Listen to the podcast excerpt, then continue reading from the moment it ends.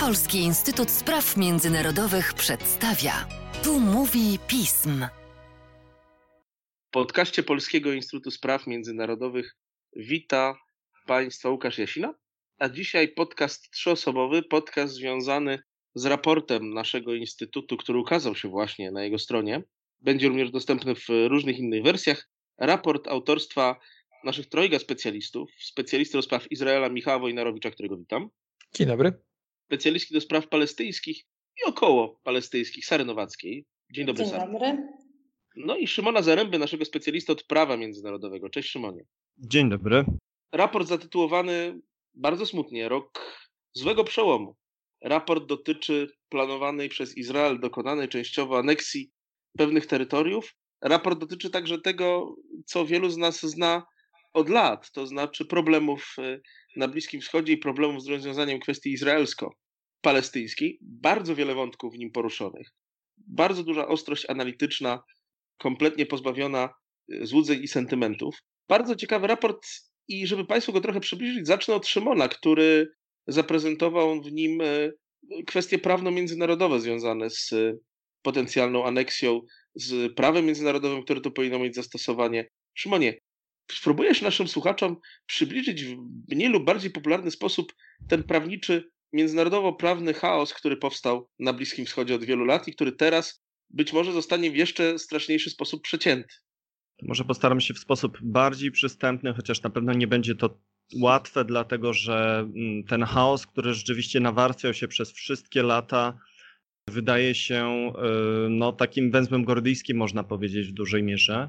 Natomiast no, to, to, z czym mamy do czynienia akurat w tym wypadku, w wypadku konfliktu izraelsko-palestyńskiego, to jest e, sytuacja, w której mamy do czynienia z jednej strony z państwem, jakim jest państwem, państwo Izrael, istniejące od 1948 roku, a z drugiej strony z uprawnionym i, i powszechnie uznawanym za taki uprawnionym do y, samostanowienia narodem palestyńskim, który również dąży do uzyskania swojej własnej państwowości.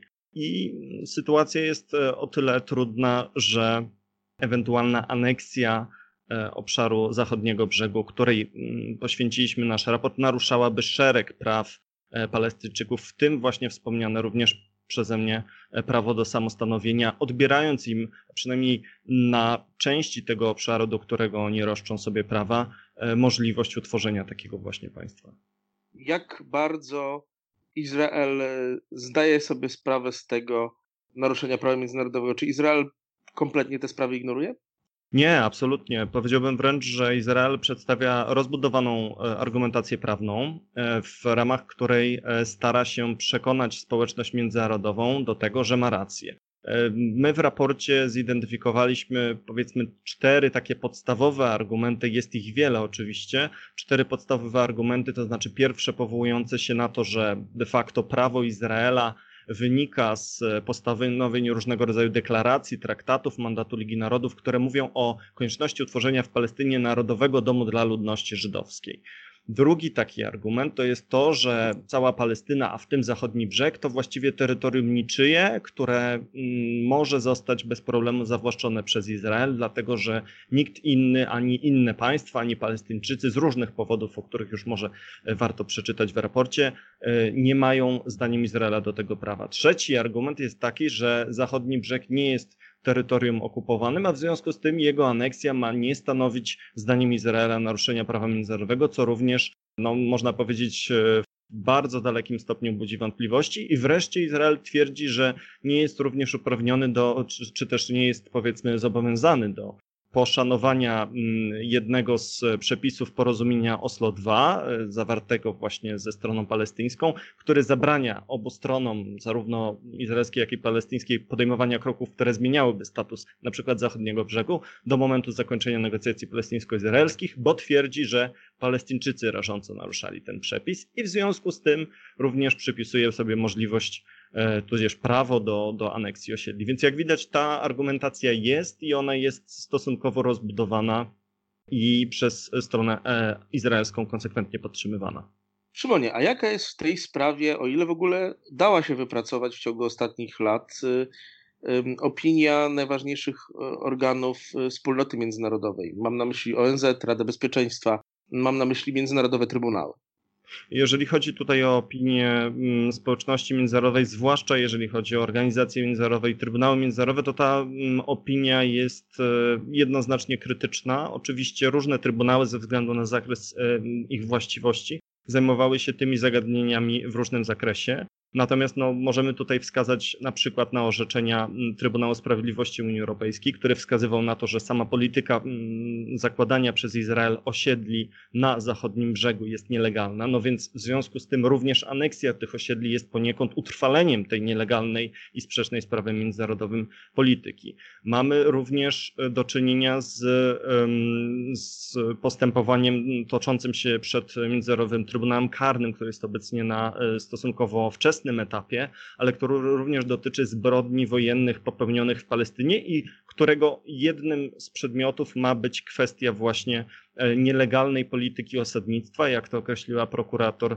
e, Międzynarodowego Trybunału Karnego, e, również uważa za sprzeczną z prawem międzynarodowym. Wreszcie mamy do czynienia z bardzo ważnym wyrokiem Międzynarodowego Trybunału Sprawiedliwości z 2004 roku, a więc już kilkunastoletnim de facto, w którym Trybunał stwierdził, również oczywiście kwestionując absolutnie legalność, znaczy tudzież no, po prostu twierdząc, iż polityka mm, e, zakładania osiedli e, żydowskich na zachodnim brzegu jest nielegalna, jednoznacznie to stwierdzając.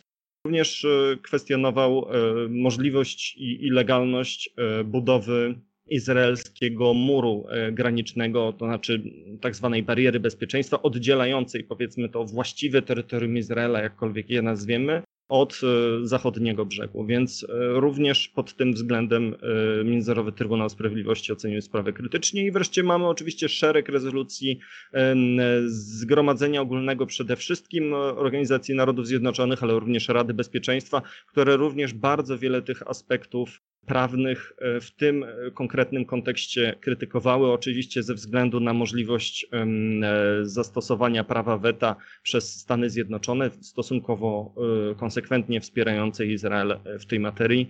E, te rezolucje Rady Bezpieczeństwa były powiedzmy mniej zdecydowane, jeżeli chodzi o ich treść, wymowę i powiedzmy oczekiwania wobec Izraela, niż e, rezolucje e, Zgromadzenia Ogólnego, ale jedne i drugie wskazywały na to, że cała polityka zakładania osiedli żydowskich na zachodnim brzegu jest polityką sprzeczną z prawem międzynarodowym i że no, powinna zostać powstrzymana. Bardzo ważne sprawy. Nim oddam głos Michałowi, jeszcze krótkie pytanie do Szymona typu szybka piłka. Jakie jest w tej sprawie oficjalne stanowisko Unii Europejskiej? To przecież dla nas bardzo ważna sprawa.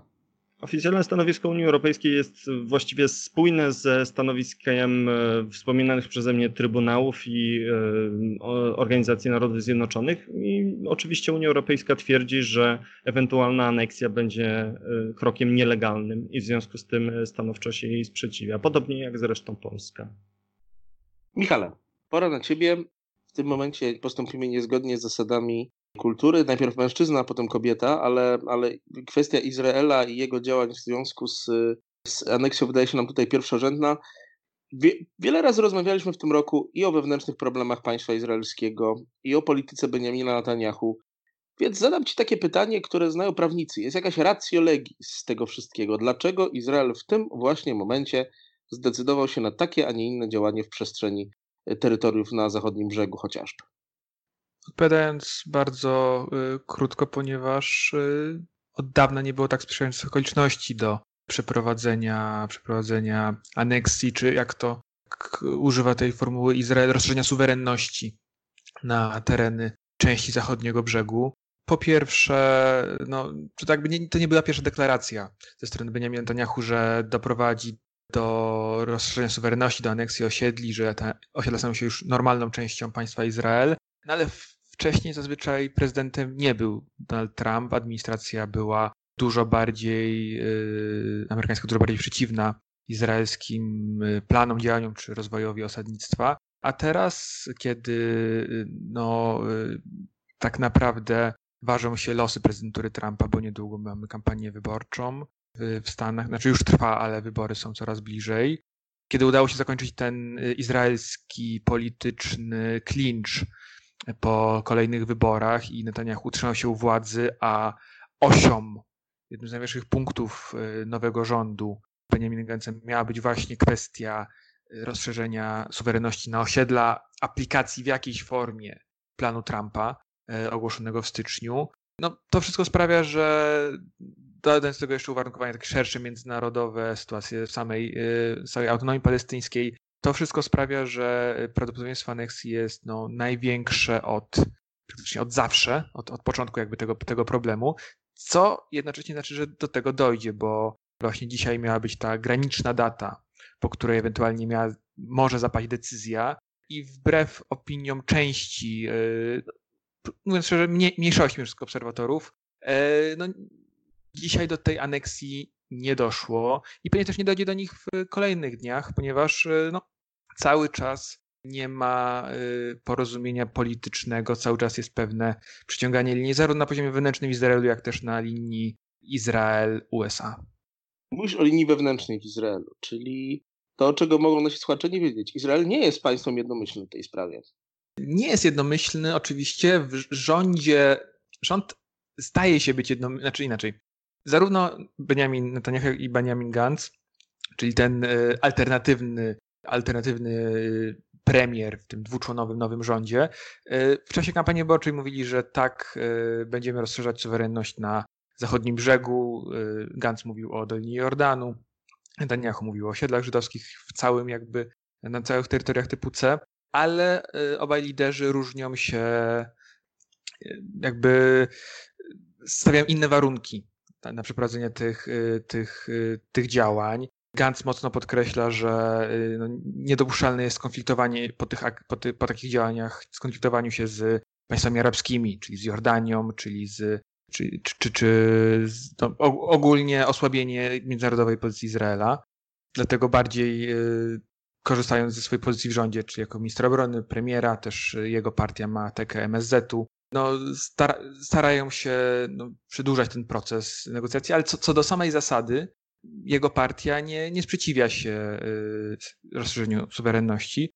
Netanyahu też, Netanyahu y, wydaje się przejść do tych działań dużo, dużo mocniej ale też wiele obserwatorów wskazuje, że może grać na czas, że może jednak czekać na wyniki wyborcze w Stanach i wtedy mieć po prostu jasność, czy należy przeprowadzić tę aneksję tak czy siak, bo wtedy, bo wygrają demokraci i trzeba się spieszyć, czy na spokojnie czekać na y, kolejne, kolejne sygnały wsparcia ze strony prezydenta, kolej, kolejnej administracji Trumpa.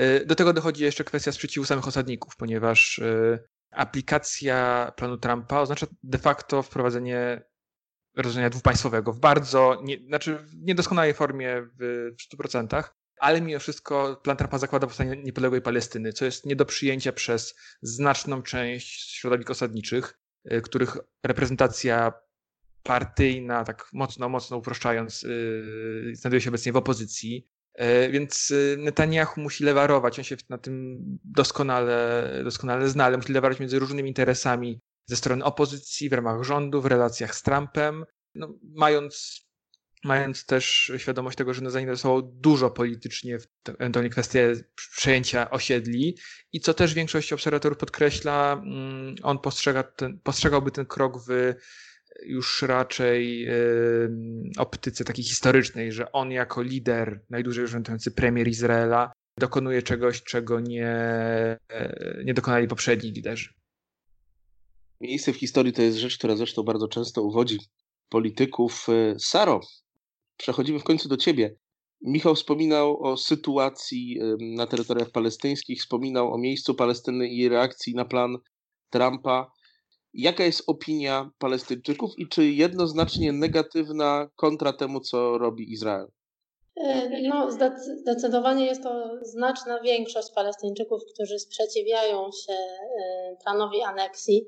Oczywiście jest jakiś margines, który po prostu zakłada, że powstanie państwa palestyńskiego może być wystarczające, natomiast jest to tak naprawdę bardzo, bardzo duża, bardzo mała mniejszość tak naprawdę. Większość y, Palestyńczyków i w ogóle mm, państw arabskich, przynajmniej na takich oficjalnych forach międzynarodowych, y, skrytykowała plan Trumpa i skrytykowała w ogóle inicjatywę aneksji terenów y, zachodniego brzegu, który przez Palestyńczyków który właściwie już w tej chwili jest w dużej mierze ograniczony i Palestyńczycy na co dzień borykają się z wieloma takimi dotykalnymi właściwie ograniczeniami dotyczącymi ich życia codziennego, czyli właśnie barierami, bramkami, jakimiś innymi formami ograniczeń ruchu, które sprawiają, y, że ograniczony jest też ich dostęp do pracy, do edukacji, y, czy właściwie do rozwoju w ogóle całego terytorium zachodniego brzegu. Także aneksja tak naprawdę oznaczałaby też y, nie tylko pogorszenie się sytuacji wewnętrznej samych Palestyńczyków, ale no, też musiałaby znacznie wpłynąć na to, czego Palestyńczycy, Palestyńczycy mogliby żądać w kolejnych rozmowach y, dotyczących mm, procesu pokojowego mm, z Izraelem. A czego mogliby żądać Palestyńczycy podczas takich rozmów, jeżeli ta aneksja nie zostanie dokonana? No w tej chwili pewnie dalej będzie to żądanie dotyczące y, ewakuacji osiedli y, i przywrócenia ich terytoriów do, pod administrację palestyńską. I to właściwie od praktycznie początku procesu pokojowego był najważniejszy, y, najważniejszy taki moment sporu, którego, którego ani, z którego ani nie chciał zrezygnować Izrael, ani nie, chcieli, nie chciała zrezygnować administracja palestyńska. Razem praktycznie z formą zarządzania y, Jerozolimą. Także no tutaj mm, przeprowadzenie aneksji właściwie oznaczałoby tyle, że w kolejnych rozmowach pokojowych Palestyńczycy będą musieli już zupełnie zrezygnować z tych terytoriów, y, ponieważ one będą zgodnie z prawem izraelskim już należały do tego państwa. Oczywiście jest zgodnie z prawem palestyńskim. Michale, y, wracając na chwilę znowu do ciebie, jak y, bardzo Izrael stara się osłabić Palestyńczyków do końca poprzez taką metodę permanentnego przewlekania kwestii aneksyjnych? Izraelowi przede wszystkim zależy, na, znaczy, zacznijmy od tego, że dla Izraela relacje ze stroną palestyńską to jest tak naprawdę fundament polityczny. Oczywiście fundament polityki. Oczywiście w wersji retorycznej, znaczy nie tylko wersji retorycznej, ale ważną rolę, znaczy kluczową rolę odgrywa też Iran, czy, czy relacje z sąsiadami, ale na poziomie takim społecznym, yy, instytucjonalnym zawsze z tyłu głowy jest właśnie ta kwestia palestyńska. Obecnie no, mocno odsunięta, mocno Izraelczycy nie czują tego konfliktu tak mocno, jak to było jeszcze w zeszłej dekadzie. Stąd yy, tak naprawdę zależy Izraelowi, obecnym izraelskim władzom na na status quo, że nie muszą dokonywać żadnych ustępstw wobec Palestyńczyków. Istnieje forma współpracy, która gwarantuje bezpieczeństwo izraelskim obywatelom. Wprawdzie teraz ta e, współpraca bezpieczeństwa między służbami palestyńskimi a izraelskimi została zawieszona, ale e, no, też nie do końca. Izrael, Palestyńczycy są podzieleni między strefę gazy rządzoną przez Hamas i władze, y, władze Fatahu w, na zachodnim brzegu, więc też ten podział działa jakby na ich korzyść, no bo skoro Palestyńczycy nie potrafią się dogadać między sobą, to dlaczego Izrael miałby się z nimi teraz y, siadać do, jakichkolwiek rozmów?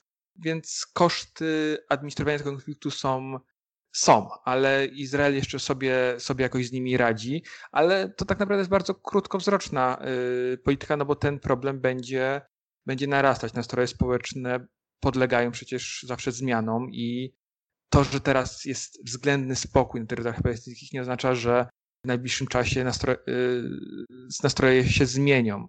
Izrael gra też trochę na tym, że wszelkie takie bardziej radykalne ruchy ze strony palestyńskich władz, y, wypowiedzenie traktatów z Oslo, y, rozwiązania autonomii palestyńskiej, to wszystko by podważało władzę Fatahu jako takiej, tej, tej, tej jakby warstwy rządzącej.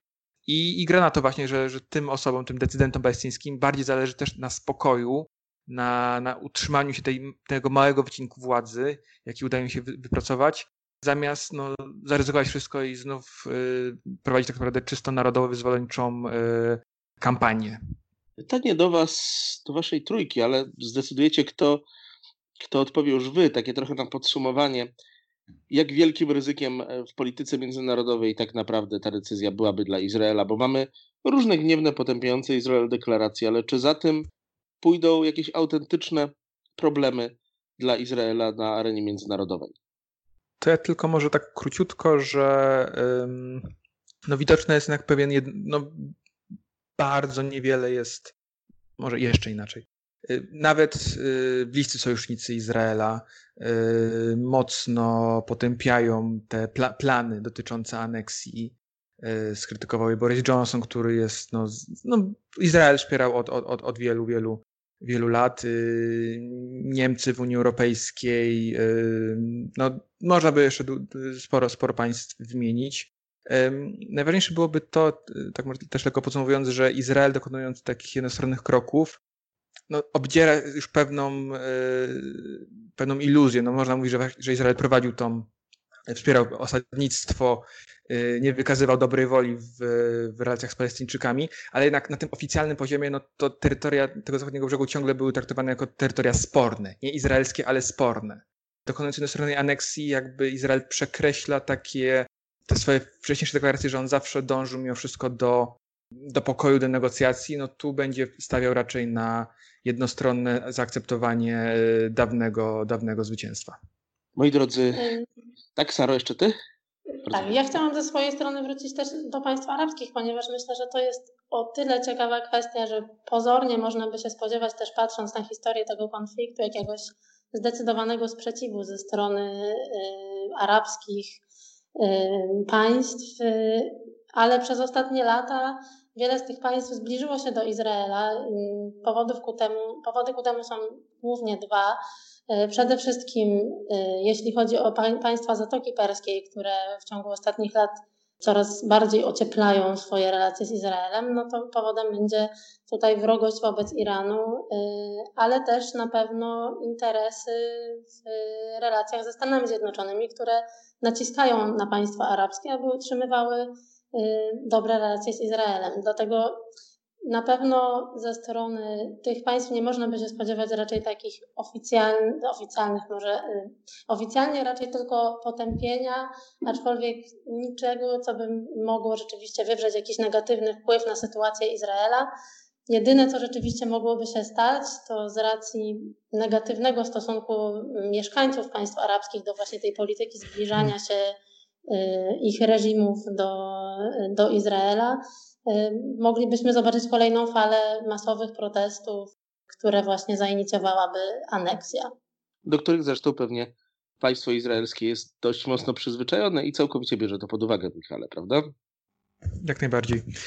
Ale to faktycznie postawa państw arabskich, tych, które trzymają nieoficjalne stosunki z, z Izraelem, może być no, bardzo ważnym czynnikiem przy ewentualnej decyzji dotyczącej przyszłości osiedli. Netanyahu, to jeden z wielkich sukcesów Netanyahu, który no, wielokrotnie chwalił się, że dyplomatycznie udało mu się zbliżyć Izrael do, do tego kiedyś bardzo wrogiego świata arabskiego. No teraz to te działania może, mogą zostać y, łatwo, łatwo podważone. Pamiętamy to zbliżenie i z warszawskich hoteli podczas y, tak zwanego szczytu bliskowschodniego prawie półtora roku temu. E, Michale, Saro, dziękuję Wam bardzo za wkład merytoryczny, a i Tobie, Szymonie, dziękuję za to bardzo mocno, bo ciągle zapominamy, że prawo międzynarodowe ma jednak jakieś znaczenie. Dziękujemy bardzo. Dziękujemy. Dziękuję.